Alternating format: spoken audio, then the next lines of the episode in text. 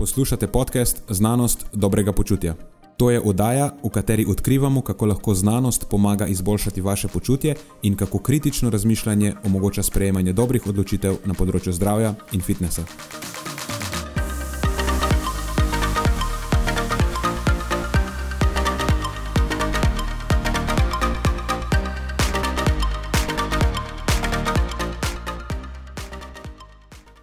Preden začnemo, pa se moram zahvaliti še našim sponzorjem.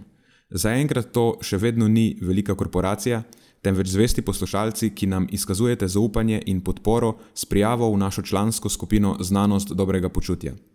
Hvala vsem, ki s tem držite luči prižgane in omogočate podkastu, da raste in postaja še bolj kakovosten. Hvala tudi vsem, ki nas podpirate s pozitivnimi komentarji in visokimi ocenami, ter s tem, da priporočate podcast svojim znancem in prijateljem. Zdaj pa je končno čas za začetek epizode. Uživajte ob poslušanju.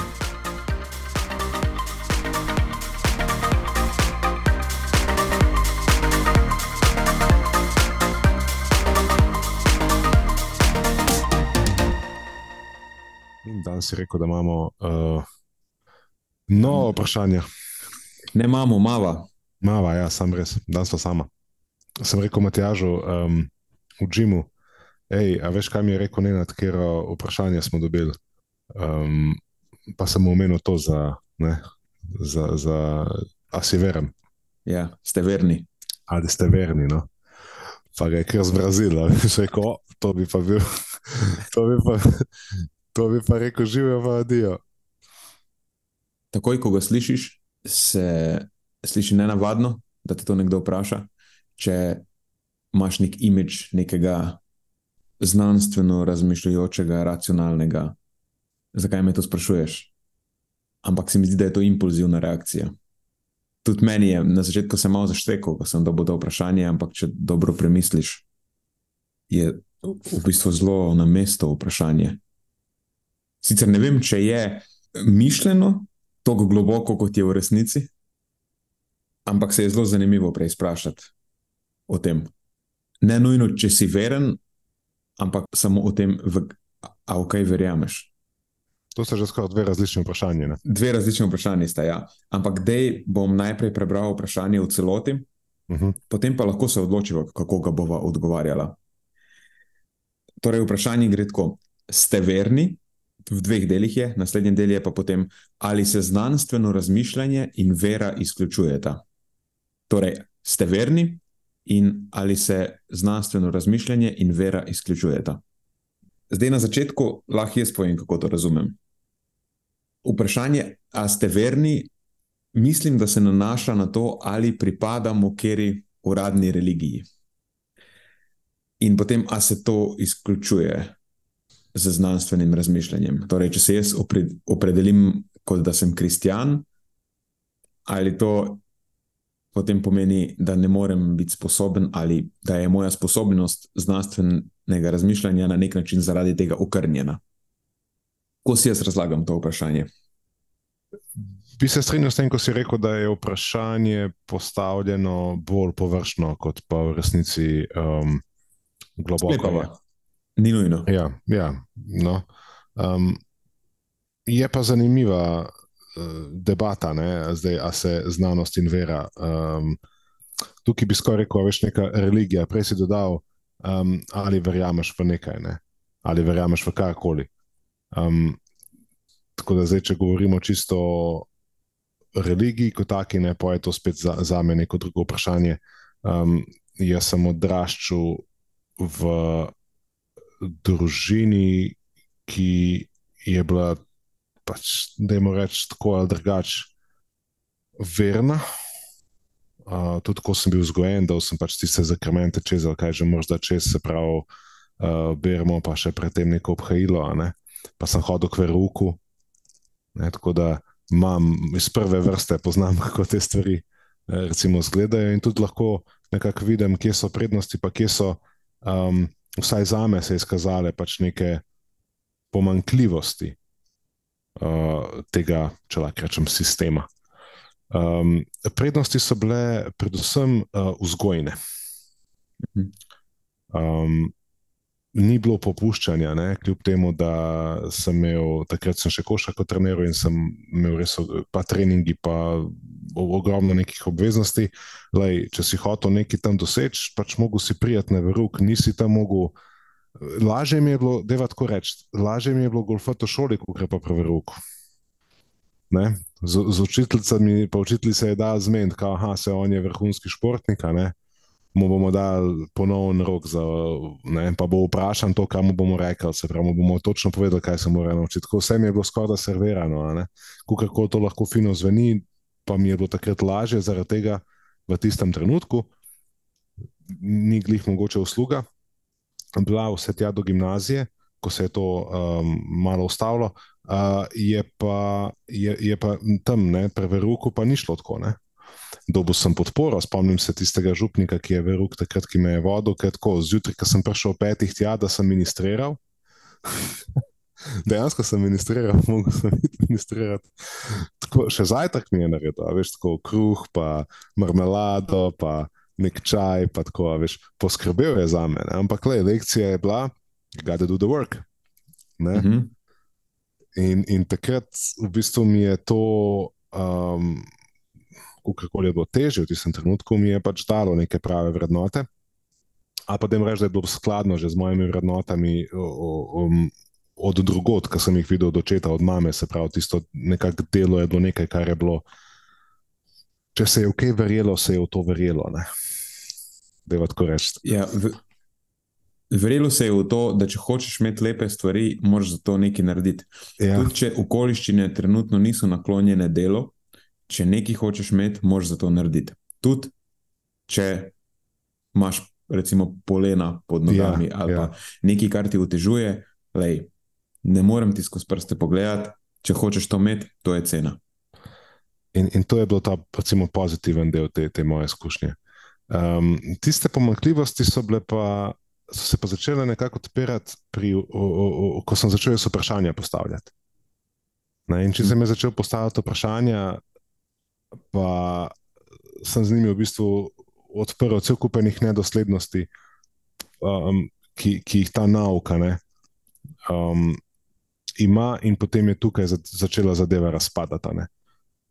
Um, Se veš, ta nek mogoče radoveden, zakaj, zakaj so neke stvari skozi ene iste, zakaj vem, se, ne sme, se ne sme to, pa se mora tisto. Pa, ne, ne bi zdaj konkretno, ker tako to ni epizoda temu namenjena. Ampak tako, začela mi je tako razpadati, začelo vse skupaj. Um, in, in takrat je tudi bilo meni, potem nisem več imel kaj, uh, nisem videl nekega smisla v instituciji kot taki, sem pa lahko spremljal eno drugo zanimivo stvar kako lahko vera vpliva na človeka, kako lahko ima neke izjemno pozitivne, um, kako bi rekel, lastnosti, ki nek, nekako gradijo karakter ali pa pomagajo nekomu, lahko govorimo o moji mami. Uh, recimo, menedžirati neka turbulentna stanja v življenju, ker jih lahko nekomu dajo, ko misli, da nima ničesar za oprijeti, nek stebr, ne? nek prostor, kamor lahko gre, Uh, Dajmo reči, da je lahko neka oblika meditacije za nekoga, če veš ta, ta, ta, ta način. Um, recimo skozi molitev in skozi spoved in skozi cel proces, se pravi, zbližaš se, da rečeš z nečim, kar je večje od tebe in te mogoče niti ne zavedajoč se uči neke ponižnosti.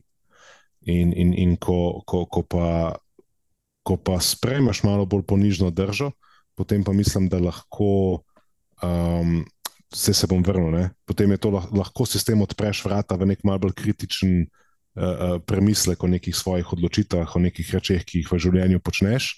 In tukaj recimo zdaj tako zanimiv, mogoče backdoor moment, se pravi skozi. Kako lahko skozi vero prideš do ponižnosti, in skozi ponižnost prideš do kritičnega razmišljanja, ki pa je nek temelj uh, uh, znanosti. Um, ja, to, točno to vera uči ponižnosti in znanost je nekaj, kar od tebe zahteva ponižnost. Znanost od tebe zahteva, da sprejmeš to držo, da si v osnovi neveden. Ne, temu rečemo intelektualna ponižnost. Je. Uh mhm. -huh. Intellectual humility. To je prva točka, ki si jo, da je zaenkrat reči, vera pa znanost delita. Bova, bova rekla krščanstvo na tej uh mhm. -huh. točki, pač tej veri. Recimo, ki si v krščanstvu, pa, pa znanost delita. Um, omenil si pa, da ko si začel postavljati vprašanje, si naletel na odpor, oziroma tukaj so se ti začele zadeve nekako podirati. Moja izkušnja je zelo podobna.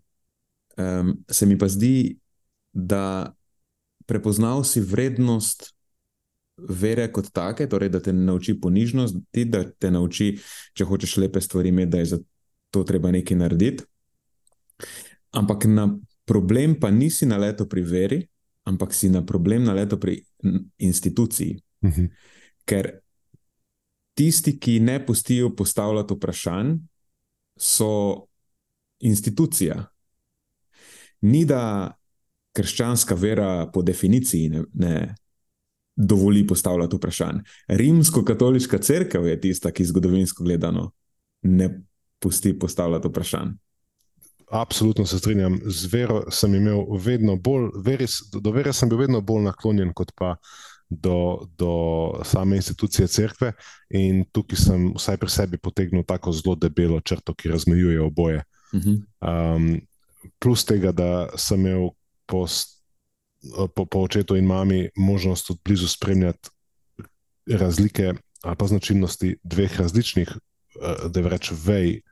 Ne, eno je bila pravoslavna, ne, po mami, in potem ta pač po, po kristjanstvu, ne po očetu, kot sem bil tudi krščan, krščanstvo, kot sem bil tudi krščan. Pravi, to, to je bila pač ta razlika, kje so zdaj um, podobnosti in kje so te razlike, in zakaj te sploh obstajajo, in kako v bistvu ena institucija in druga institucija uh, se odzivata na, um, da bi reč, ne, ali ugovore, ali pomisleke, ali, ali, ali kritiko. Mm. Jaz sem si to enkrat kasneje začel tako predstavljati. Mislim, da kot otrok ti tako nimaš te kapacitete ali pa niti nimaš tega razumevanja. Ampak to je zdaj trenutno moje stališče, da obstaja neka inherentna vrednost v judo-krščanski tradiciji in da je rimsko-katoliška crkva kot institucija, ali pa lahko rečeš druge vrste crkve kot institucije, so v bistvu to na nek način ugrabile za svoj namen. Da so si lahko podredile ljudstvo, ali pa da so skozi to so izvajali neko mero oblasti, no? neko, nek vpliv so si pridobile. V bistvu so bile ali lahko rečemo, politične organizacije. Ja, so, če slepaš po, po načinu delovanja polja. Ja, ki so vero v bistvu ugrabile za to, da so lahko dosegle neko mero vpliva in moči. Tako da, če, če v bistvu razmišljamo o tem zdaj, a sem, če je za me, recimo, konkretno vprašanje, če sem veren, potem ne, je odgovor na ta del, um, religi, ki ima veze z religijo ne, ali pa z institucijo crkve potem je odgovor ne, ne. Če pa me sprašuješ, ali v nekaj verjamem, mogoče v nekaj, da ne, ali pa sem ponižen, ali pa se trudim, vsaj prizadevam k ponižni drži, je pa to moje, odgovor. Absolutno da, v smislu prizadevanja k temu. Ne vidim veliko vrednost v tem in absolutno ne mislim, da sem jaz ali pa mi kot ljudje, da smo nek ne, najvišji um, da smo, kako bi rekel, bio and all, kako bi zdaj to prevedel v slovenščino. Um, kje, pa se, kje pa se za me začne to, da verjamem v nekaj ali pa da ne? Ta, po, enkrat to so se pogovarjali, prej pa sem ti rekel, tam, ker nimam v bistvu svojega stališča obesiti na nič oprijemljivejšega ali pa noben. Dokaz ali pa noben, nič, kar bi recimo lahko prepoznal kot dejstvo. Ni absolutno nobene druge razlage, in vse, kar mi ostane, je to, da verjamem v, ja. v, v to, kar si želim. Ja, nima smisla reči to, o čemer smo se prej pogovarjali, ker kdorkoli to posluša, ne ve, o čemer smo se prej pogovarjali. Ja. E, e, stvar definicije je, kaj zdaj sploh to, da verjameš v nekaj pomeni. Kaj je, kaj je dejansko vera? Ker nekdo, ki nas je poslušal že prej govoriti, nikoli nismo o nič stoprocentno prepričani. Vedno z neko stopnjo zaupanja smo pripravljeni nekaj trditi, nikoli ni sto procentno. In to je tukaj razlika. Ne? Vera je nekaj, kjer ni stopnja zaupanja, ampak je popolno zaupanje. Jaz sem šel pogledat, potem, ko sem se spraševal o tem, kaj je dejansko zdaj definicija vere. So različne številne definicije, ampak dve, ki sta mi najbolj všeč, to je popolno prepričanje ali pa popolno zaupanje v neko osebo, stvar ali pa koncept. Ali pa še ena druga je trdno prepričanje v nekaj, za kar ne obstajajo dokazi, oziroma nekaj, česar ne moreš podkrepiti z dokazi, oziroma nekaj, za kar ne moreš utemeljiti te stopnje ali pa mere zaupanja na, na nečem konkretnem. Torej, to je nekaj, kar ti, v kar ti popolnoma zaupaš. In zdaj v kontekstu religije je vernost definirana kot ta popolna vera, popolno zaupanje v Boga ali pa v neke doktrine ali pa nauke te religije. Ti si dal en dober primer, z nezemljani obstajajo. Ti rekel, da ne verjameš v smislu, uh, da si sto procenten, da obstajajo, ampak da na podlagi statistike, torej obstaja neka verjetnost in da je izjemno majhna verjetnost, je, da ne obstajajo. In da utemeljeno lahko z neko mero zaupanja trdiš, da verjetno nezemljani obstajajo. Lahko utemeljim svoje eh, recimo, stališče do tega vprašanja na nekem znanju, ki obstaja. Ne? Se pravi, lahko, lahko recimo opredelim neko verjetnost do tega. Ne? Se pravi, potem takem to ne more biti zdaj vera, ne več. Um, nadaljeval sem pa recimo tudi s primerom, kje pa bom uporabil Uh, ampak kje se bom lahko tako izrazil, kot da verjamem, izrazil, kot da verjamem v nekaj. Ne? In to je, pa, recimo, če govorimo o posmrtnem življenju. Ne? Če govorimo o tem, da ne, ne nekdo, ki ga imamo radi, pa se poslovi iz tega sveta, potem imamo neke vizije o tem, kje zdaj on je. Ali pa želimo si, imamo, romantiziramo o tem, da je sedaj na nekem lepšem kraju, da mu je lažje, bolje, kakorkoli. Se pravi, tukaj pa zanimamo absolutno nobenega podatka, dokaza, nič nimamo, na kar lahko svoje stališče v resnici um, si s pomočjo tega pomagamo oblikovati. Nobene verjetnosti tukaj ni, in vse, kar mi ostane tukaj, je, da verjamem, da ne, je, nekomu, da, ne, da je nekomu zdaj na nekem kraju bolje. Ne. Se pravi, tukaj je ta nek, ne, nek koncept re, reinkarnacije in posmrtnega življenja spada v to domeno, kjer v bistvu ne moreš na nič drugega kot na vero o, o, se, se nekako um, nasloniti. Ja, posmrtnega življenja. Posmrtnega življenja, ja. ja. Držijo. Torej, uh, če rešiva prvi del vprašanja, če ste verni v sebi na začetku sem moral par stvari razjasniti, da sem si lahko na to vprašanje odgovoril. In kratek odgovor na to vprašanje je, jaz mislim, da nihče za res ne more biti neveren. Uh mhm. -huh. Vsak v nekaj verjame. Um, zdaj, moj odgovor bi bil tak, da nisem veren v konvencionalnem smislu. Ne verjamem, da obstaja nek človekopodoben Bog, veš, nekdo, ki ima dolgo brado, tam na oblaki prebiva in mhm. gleda na nas in morda tudi upravlja z nami ali pa nas je vsaj ustvaril, kakorkoli. Ne verjamem tega. Ne, tudi ne verjamem, ne verjamem, da obstaja neko posmrtno življenje s peklom pa nebesi. Tudi ne verjamem, da so te neke razne religiozne zgodbe, oziroma pri, pri nas so recimo svetopisemske zgodbe, ne verjamem, da so dobesedno resnične. In niti ne verjamem, da so vedno direktno aplikabilne. Je pa tako, da na, na tej točki mislim, pa, da imajo svetopisemske zgodbe določeno vrednost, in tukaj se zdaj bližamo že temu, kako pa bi lahko rekel, da sem veren. Ena stvar, edino še predtem, je, da nisem veren v smislu, da nisem, nisem član rimsko-katoliške crkve, več ne hodim k maši, ne zdi se mi to pomembno. In mislim, da je bilo že eh, precej jasno na podlagi tega, kar so prej rekla. Lahko bi šlo v sklepu, da nisem nekdo, ki je eh, rimsko-katoliški crkvi kot organizaciji zelo naklonjen. Eh, zelo, zelo naklonjen ja. Eh, se mi zdi, da ta organizacija že, ko govorimo o stoletjih, deluje v neskladju s temeljnimi nau, nauki judo-krščanske tradicije.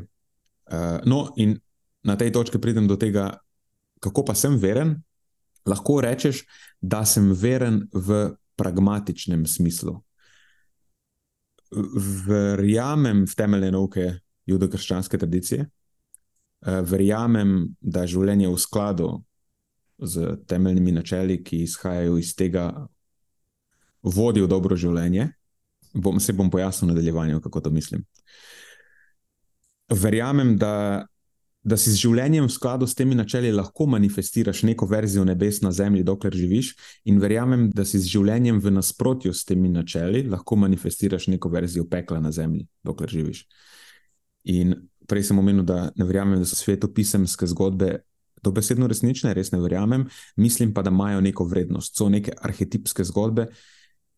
Ki jih lahko si interpretiraš na način, ki je uporaben tudi sedaj, Um, sicer moraš full si interpretirati, ker to so zgodbe, ki so namenjene za nekoga drugega, so bile bolj uporabne nekemu poščavskemu plemenu tam pred veš, nekaj, nekaj stoletji. Uh, v sodobnem svetu pa še zmeraj so arhetipske zgodbe, ampak moraš zelo razmišljati o tem, kaj pomenijo in kaj dejansko sporočajo, da so uh, aplikabilne. Ampak zdaj, da se vrnem nazaj na to judo-krščansko tradicijo, kaj sem imel s tem sploh v mislih. Drugi del vprašanja je pol bil tudi, ali se znanstveno razmišljanje in vera izključujeta. Pa bom jaz zdaj to si malo preformuliral in bom odgovoril na vprašanje, ali se znanstveno razmišljanje in uh, judo-krščanska tradicija izključujeta. Ali se ti zdi dosmiselno, da na to odgovorim? Spada po to vprašanje, ne spada ja. po to temo. Ja, če, mislim, če da je potem zdaj. Ja, mislim, mislim, da bilo, ja, mislim, da je bilo predvsem to mišljeno ne? v, v neki obliki. Um, mislim, da je to pogosto se napačno sklepa, da je ateizem nekaj, kar, ne, nekaj, kar rabiš, da si sposoben racionalnega razmišljanja. Ne? Da rabiš neko smrt Boga, ki je prišla z razsvetljenstvom, če hočeš biti popolnoma racionalen. Se mi zdi, da je neko splošno prepričanje, da rabiš neko smrt Boga v smislu, da se rabiš odreči uh, judo-krščanski tradiciji kot celoti, da si potem osvobojen nekega vraževerja, ker to je tisto, kar je, to je edina stvar, ki zavira racionalnost in kritično razmišljanje. In potem, ko enkrat na ta način ubiješ Boga, se odrečeš popolnoma tej judo-krščanski tradiciji, da si šele takrat sposoben neke racionalnosti in kritičnega razmišljanja. In da šele potem lahko proces znanstvenega raziskovanja popolnoma steče. Ali se ti zdi, da je, da je to nek pogost pogled na to? Rekl bi, da je, da, da je, da je splošen, po, mogoče površen uh, pogled točno tak. Uh mhm. da, da, da, je, da, da je v bistvu oboje, da je na nek način eno ali drugo. Nekako ne moš imeti oboje. Ne? Uh mhm. Oziroma, ne, ne, ne gre skupaj, je popolnoma kot olje in voda, nekompatibilno. Ne? V, res, v resnici je pa tako zelo preplete, prepleteno, bi rekel, oziroma na to se boš najbrž navezal. Ja, ja. Ta predstava, da obstaja nek antagonizem med judo-krščansko tradicijo in znanostjo, v veliki meri je zmotno prepričanje, ki izvira iz nekega nepoznavanja zgodovine kot take, ali pa mogoče površne interpretacije. Ker veš, znanost je zrasla iz judo-krščanske tradicije. Na nek način lahko rečeš, da je znanost v bistvu otrok judo-krščanstva. Judo-krščanstvo je to, tega otroka imelo z razsvetljenstvom, ampak je, je tudi otrok judo-krščanstva. In ta antagonizem judo-krščanske tradicije in znanosti ni nič večji, kot ga ima. Kot ga ima ta nek povprečen starš, pa otrok v neki povprečni družini. A veš, vedno med otrokom in staršem obstaja nek nek antagonizem, ki izhaja že iz tega, da je druga generacija, ki živi v drugem svetu. Tako malo karikiram, ampak veš, kaj hočem reči. Ne? Starš pa otrok se lahko se ne strinjata o nekih, rečemo, manj pomembnih temah, ukvarjata se z drugimi problemi. Lahko imata neke manj skladne, neke svetovne nazore, ampak na ravni temeljnih vrednot sta ponavadi skladna. Govorimo o neki poprečni funkcionalni družini. Ne? Načeloma sta v temeljnih vrednotah skladna. Načeloma otrok podeduje temeljne vrednote staršev, in meni se zdi, da je to precej dobra prispodoba v tem primeru. Um, se mi zdi, da je najbolj točno razumeti znanost samo kot eno, eno novejšo, nadgrajeno, malo bolj racionalno verzijo judokrščanske tradicije, eh, rečemo razsvetljensko verzijo, ki je pač boljše prilagojena na sodoben svet in bolj točno razlaga vesolje. Ampak, če pogledaš zgodovinsko, zakaj sem rekel, da je otrok, sej judokrščanska tradicija je tista, ki je prva začela ustanavljati eh, središča naravoslovne znanosti.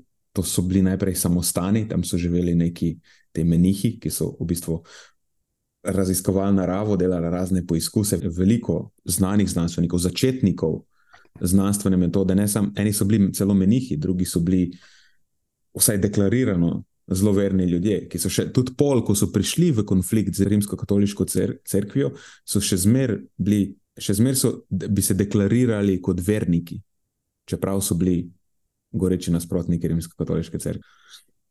Mm, no, v glavnem, pol iz teh samostanov so zrasle univerze, tudi univerze so bile na začetku verske ustanove, v bistvu neki podaljški.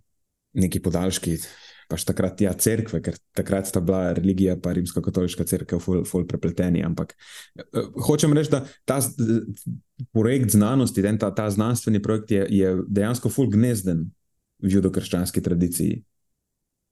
Um, in tudi znanost, kot taka, je. Um, prej sem rekel, da se, se otrok in starš, če v tem primeru razumeš znanost, pa je dokrščansko tradicijo kot otroka, pa starša, da se skladata v temeljnih vrednotah.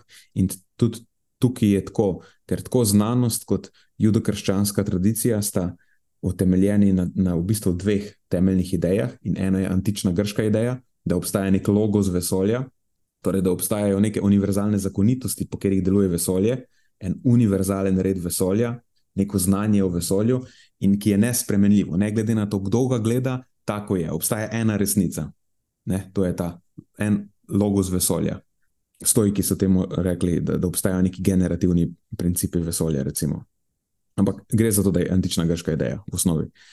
In potem obstaja, lahko bi temu rekli, judovska ideja, ki je logos intelekta, ki pa pravi, da v bistvu gre za verovanje v to, da ti kot človek imaš um, ki lahko razume in razlaga to eno resnico vesolja. Ne? Torej, dve, dve v bistvu temeljni ideji sta. Logos vesolja, pa logos intelekta. Torej, da obstaja ena resnica v vesolju, pa da ti imaš um, ki je sposoben to resnico videti. In to je tako temeljna ideja znanosti ali pa rečemo znanstvene metode, ki izhaja iz judokrščanske tradicije. Torej, sami temelji znanstvene metode so postavljeni na temeljih judokrščanske tradicije. In zato mislim, da tukaj ni nobenega antagonizma, kvečemo nasprotno. Da, da če začneš zavračati vse, kar je kakorkoli povezano z judokrščansko tradicijo, zna biti nevarno tudi v tem smislu, da znaš se odreči tudi marsičemu, kar je pomembno za znanost.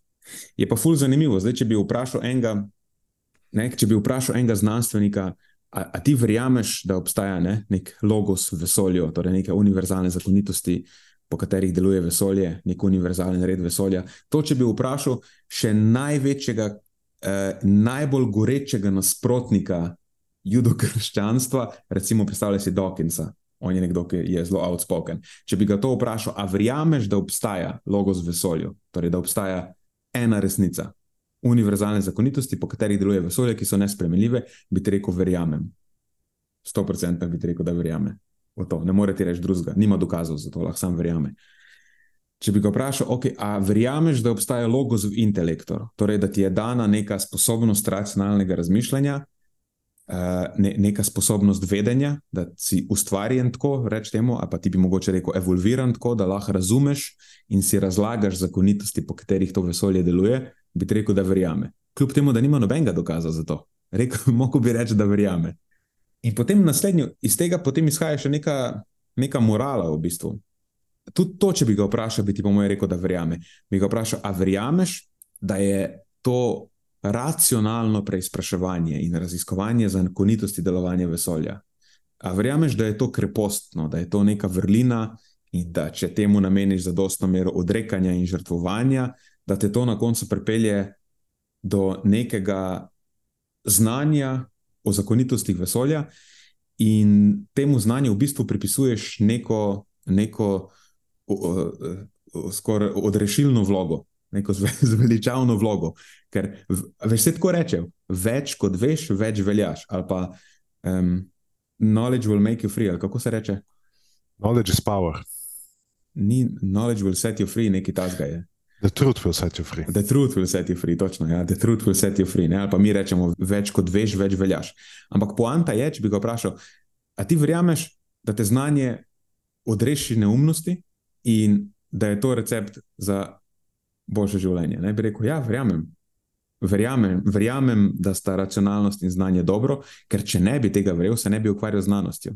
In verjameš, da če hočeš eh, pridobivati novo znanje, pa biti racionalen, da to zahteva od tebe neko mero odrekanja, nekaj se moraš žrtvovati. A veš, je nek, nek verski, verski naboj v tem, nekaj ti verjameš, da je težko, da moraš včasih del sebe ubiti, eh, odreči se moraš svojih pristranskih, da bi bilo ful lažje impulzivno reagirati, pa se oprijeti čustev. Ampak ti veš, da to zahteva neko mero odrekanja in da je to za dober namen, zato ker te to odrekanje vodi v odrešenje v bistvu. Zdaj namenoma uporabljam vers, a veš, take versko napite besede. besede. Ja, ampak sem zato, ker je ful podobno. In po drugi strani, tudi če v bistvu verjameš, da, da, da sta racionalnost in znanje neka vrlina, da sta krepost, avtomatsko verjameš, da sta iracionalnost in neznanje, ker to je diametralno nasprotno, da je to slabo. In temu lahko rečeš, da je greh. In ustrajanje v tem te vodi v pekel. In če bi ga tako vprašal, a verjameš, da če si boš prizadeval za racionalnost, da si boš prizadeval za pridobivanje znanja, da te bo resnica osvobodila, da si lahko s takim življenjem manifestiraš nebesa na zemlji, ali pa veš neko življenje, ki ga je vredno živeti, bi rekel: Ja, verjamem. In bi rekel: Ampak če boš ustrajal pa v neumnosti, torej če boš v rekovajih ustrajal v grehu in se boš vedel iracionalno, to pa vodi v slabo življenje, kar bi lahko prevedel, da si boš na ta način manifestiral nek pekel na zemlji bi ti rekel, da verjame. Sicer, če bi namenoma uporabljal take versko nabite besede, bi že zaradi tega mogoče občutil odpor, pa bi se ti začel upirati, ampak v osnovi so to ideje, v katere vsak znanstvenik, idealen znanstvenik, verjame. To je judo-krščanska tradicija skozi in, in skozi. Vsak od temeljnih axiomov znanosti je v osnovi judo-krščanski in vsakega lahko sam verjameš. A veš, vera v objektivnost, da obstaja ena objektivna resničnost in da smo jo ljudje sposobni opazovati, pa odkrivati, pa si jo racionalno razlagati, razlagati to je axiom in je v svojem bistvu samo vera, ker za to nimaš nobenih dokazov. Verjameš pa, da, ne, da, da to obstaja. In tudi verjameš v vrlino in greh, verjameš v način krepostnega ravnanja, ki te vodi do zveličanja. Torej, verjameš, da če si racionalen, če se odrekaš namenoma iracionalnosti, da se trudiš v bistvu ubiti svoje pristranskosti, se boriti s temi svojimi demoni, mm, ne reagirati impulzivno, da te to vodi ne, eh, do zveličanja. In verjameš tudi v način grešnega ravnanja, ki te vodi v pekel. To, da si pač namenoma neumen, pa se obnašaš iracionalno, pa da se nisi sposoben temu upreti, tem svojim demonom. Tako da, že samo iz tega veš, ne moreš reči, da si uh, znanost in vera nasprotujeta ker znanost v osnovi temelji eh, na veri, torej, ne, da obstaja neka logična struktura vesolja in to vesolje deluje po univerzalnih zakonitostih, ki se ne spreminjajo.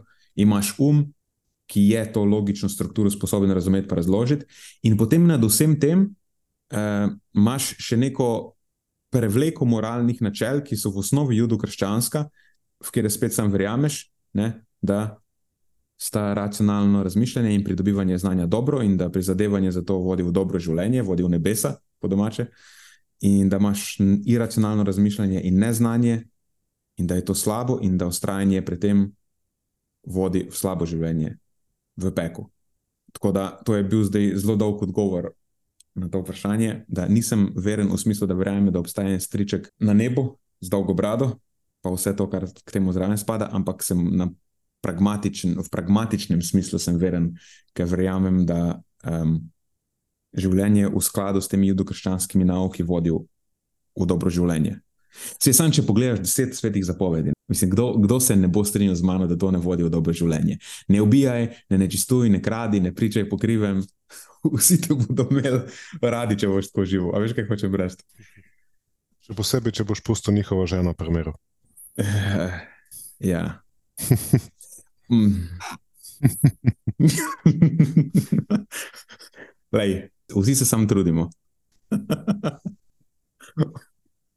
Ampak vse pa se pokosa, pokesaš, pa je problem. Vse pa se pokesaš. Ja. Sej na koncu vedno ugotoviš tako, sej tudi v tem primeru, da če, če kršiš um, kjerkoli od teh svetih zapovedi, da se ti pol maščuje in da si za nekaj časa pričaraš peko na zemlji. To, kar si rekel uh, prej, se mi zdi precej pomembno pod črto. V tem smislu, kar se pogovarjava zdaj, kar si predstavil to zgodbo, ne, ne moreš biti neveren. Noben človek, zares, če gledaš širše ne, in se ne omejuješ samo na religijo, zdaj ne verjameš v eh, Jezusa Kristusa, našega odrešenika. Mislim, to je zdaj dost, ne, straightforward, ja ali ne.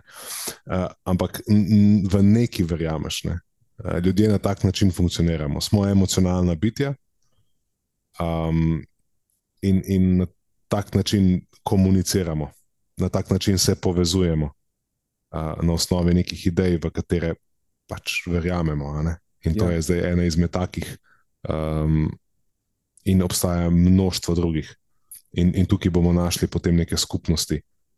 Uh, težava pač lahko nastane, če se zbiramo okoli idej, oziroma če začnemo, ver, če, če verjamemo v ideje, ki, za katere recimo imamo neke konkretne, a pa neko težo konkretnih dokazov, ki ne, so, so, so drugačni od te- tega, v kar nekdo verjame. Ne? Tukaj imaš potem lahko ta konflikt, Ja. ki je v preteklosti znal veliko krat že povzročiti zelo veliko škode veliko števil, velikemu številu ljudi. Um, tako da tukaj mislim, da imamo pa lahko izziv, ampak v osnovi te, te stvari lahko bogatijo. In tudi zanimivo mi je, kar si rekel prej, ker smo našli ta nek skupni imenovalec, tako znanosti kot, kot, um, kot vere, in to je ta po, ponižnost. Ne. Mhm. In, in tukaj bi, bi, bi opozoril, da mnogi, ko se pogovarjam in omenim to ponižnost, večkrat sem pisal o njej, razumejo to kot nekaj negativnega, razumejo kot to kot podložnost. Ne, to se mi zdi zelo zanimivo opažanje iz pogovorov z drugimi, da, da, da, da ponižnost in podložnost nista sinonima, čeprav se Ne. tako uporabljata. Ne? Eh, Kot da nekaj tvoji osebnosti to jemlje, ne? kot da zgubiš nekaj s tem, ko si ponižen, kot da je to nekaj derogatornega, kot da je to nekaj, ne, kjer ti zdaj uh, misliš manj o sebi. Pa, pa, pa je v mnogo čem glih kontra temu vsemu skupaj. ne. Tako da mislim, da nimamo glih najbolj, več ne uporabljamo tega termina že v osnovi, primerno ne razmišljamo o njem sploh, dojemamo ga, ga kot nekaj um, slabšalnega in od tod mogoče cel kupenih izzivov s, s tem, zakaj smo lahko potem nekaj. Če, moje videnje je, da ponižnost deluje kot nek antipol ego. Ne? Se pravi, če, če recimo dovoliš, da te zaslepi uh, svoje pretirano samozavestno prepričanje o um, nekih stališčih, ne? nisi, lahko celo zanemariš povsem, da nisi mogoče dovolj podučen o tem, da nimaš dovolj razjasnenih sploh uh, pojmov, nimaš dovolj znanja, ni, ni to sploh nekaj, čim, o čemer si zares razmišljal, ampak se lahko zaslepiš, um, lahko si ustvariš nek tak. Ne, tako predstavo o tem, da, da pa lahko imaš o tem popolnoma enakovredno um, mnenje. a ne. Um, ponižnost lahko odigra pomembno vlogo temu, da, da ti pomaga se čekirati v tem smislu. No. Je rekel si antipol ego. Jaz bi Um, pa nasprotno rekel, ja. da če hočeš biti udobno ponižen, v bistvu moraš imeti zelo dobro predstavo o sebi. Jaz bi temu rekel, da moraš imeti močen ego, da si sposoben ponižnosti. Ne bi rekel, da. Zato bi, prej bi rekel, da si podložnost in ponižnost nasprotujeta. So, ja, to se strinjam. V bistvu, Tudi- tudi razumem, če- kaj hočeš če, ja, povedati, Če ja. hočeš biti udobno ponižen in se ne bati ponižnosti, v bistvu moraš biti močen karakter. Morate biti tudi v svoji tako. koži. In to je še ena stvar, ki jo judokrščanska tradicija uči. Na nobeni točki ne uči podložnosti, uči ponižnost. V Mhm. bistvu glih uči obratno. Da moraš biti močen, da moraš zase poskrbeti, da moraš biti na nek način nevaren, in da potem moraš znati tega, to nevarnost v sebi nadzorovati, in potem si v bistvu dober karakter. Ne? Ker nekdo, ki nima sposobnosti biti nevaren, tega ne rabi nadzorovati. S tem se moram reči, da res eh, v celoti strinjam, ko govoriva o ego v smislu, da ti je komod v svoji lastni koži, potem ne čutiš potrebe, potem, da se mečeš ven tam, kjer se nimaš, kaj ne, za oglašati. Um, jaz sem uporabil to v tem smislu uh, neke, nekega pretiranega ponosa ali arogance, ne, ker nekdo na tak način mogoče celo kompenzira um, neke, neke da jim rečem, osebnostne pomankljivosti, ampak se pa to na vzven lahko dojame kot da je uh, kot nek egocentrizem, oziroma lahko rečemo egoizem, da v bistvu se čuti, uh, čuti potrebo, da mora v vsakem okolju, v vsaki debati uh, izstopati, biti viden.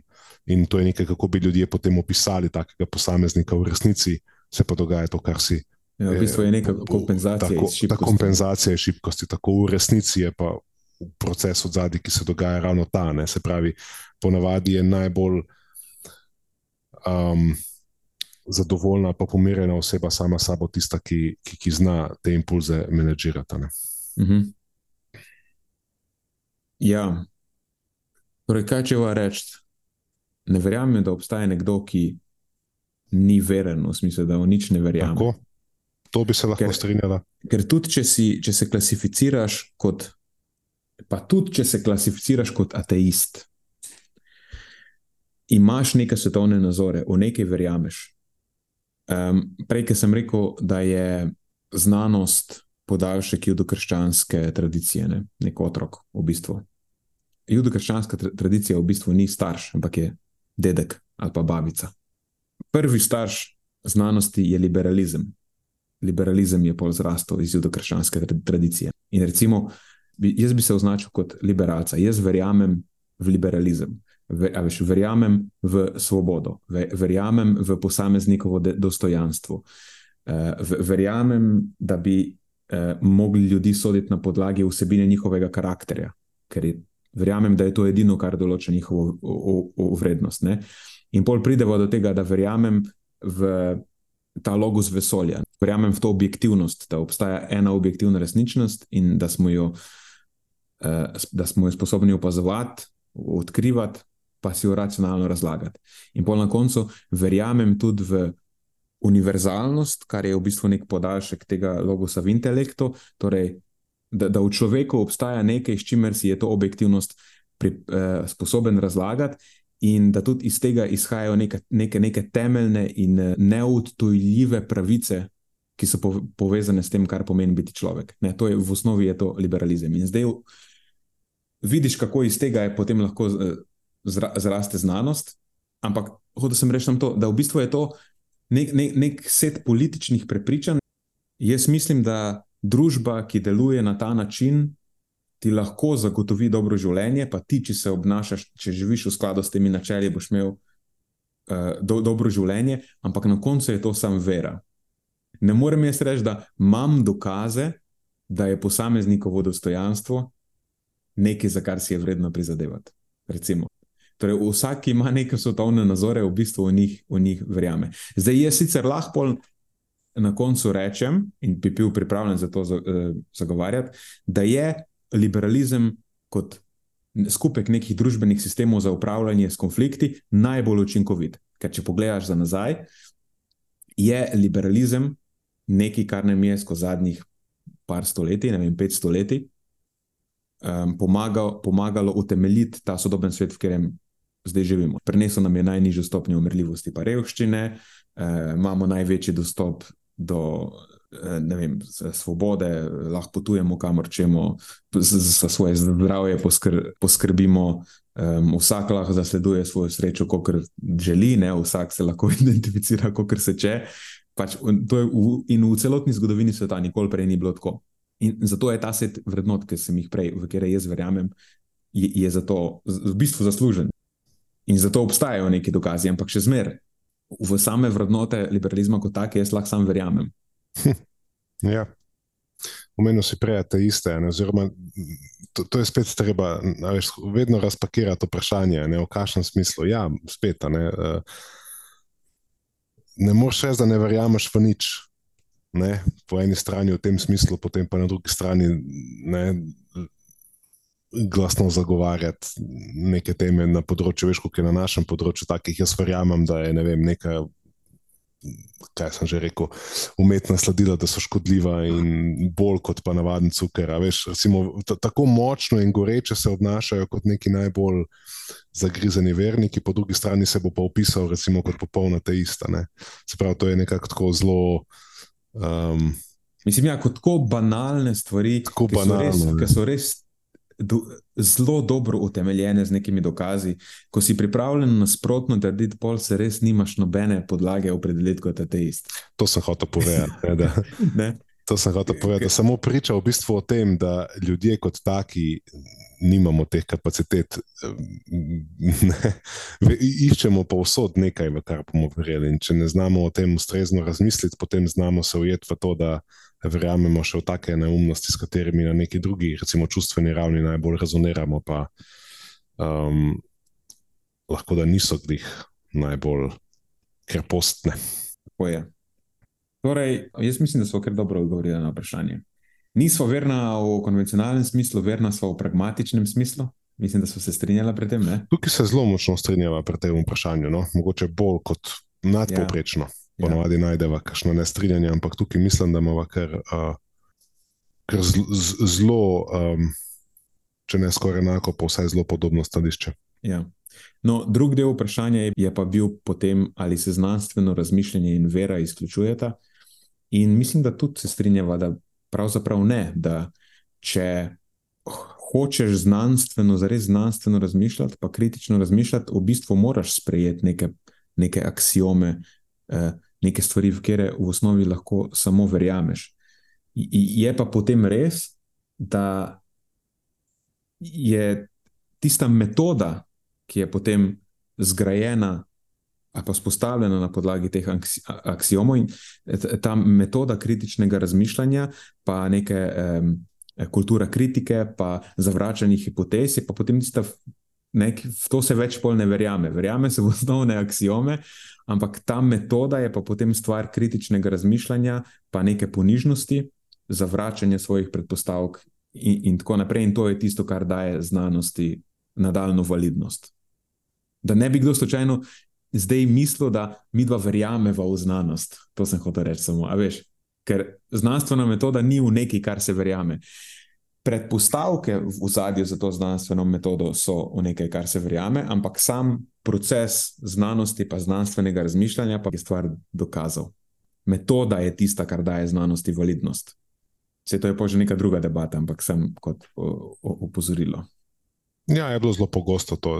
Ta besedna zveza je postala zelo pogosta v času COVID-a.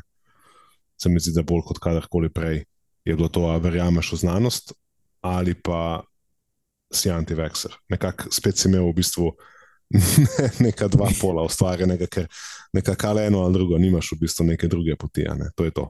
Ja. Choose one. Uh, mislim, sej, na nek način, sej mogoče je to komu težko razumeti. Ver, eh, na nek način je v- verjeti v znanost je v nasprotju tistim, kar moraš verjeti, da lahko verjameš v to, da je znanost krepostna.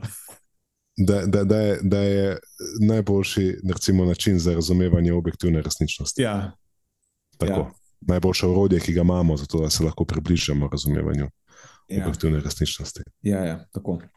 tako. Okay. Mislim, da je, do, da je zadost prednosti. Da imamo dosti. Prednosti si kaj narediva. Ja.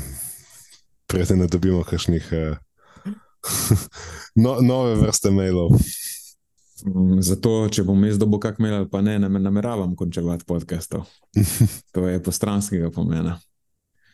Končal bom takrat, ko se nama zdi, da je vredno končati, Ja. ne, ne glede na to, kar, a bo to generiralo kakšne sorte mailov ali pa ne. Ampak ja, specifična, specifična tema je bila, ki mislim, da so jo izžela, ne, tako da mogoče Ja. um, jo lahko pustiva stati. Ampak Ne, mislim, da so kar, mislim, da so Ja. kar dobro uspela skomunicirati najna stališča v zvezi s tem.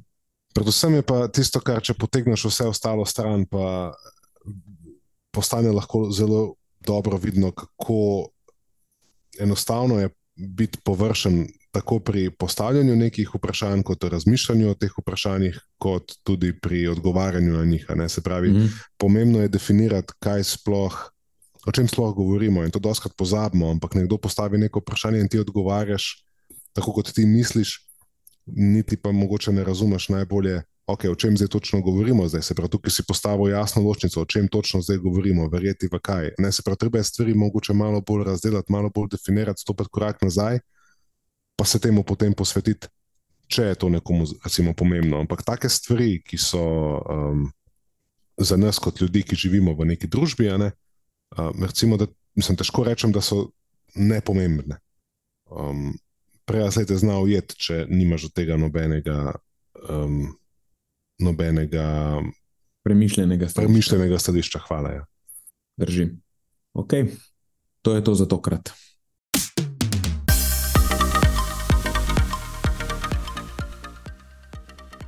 To je za tokrat vse iz naše strani.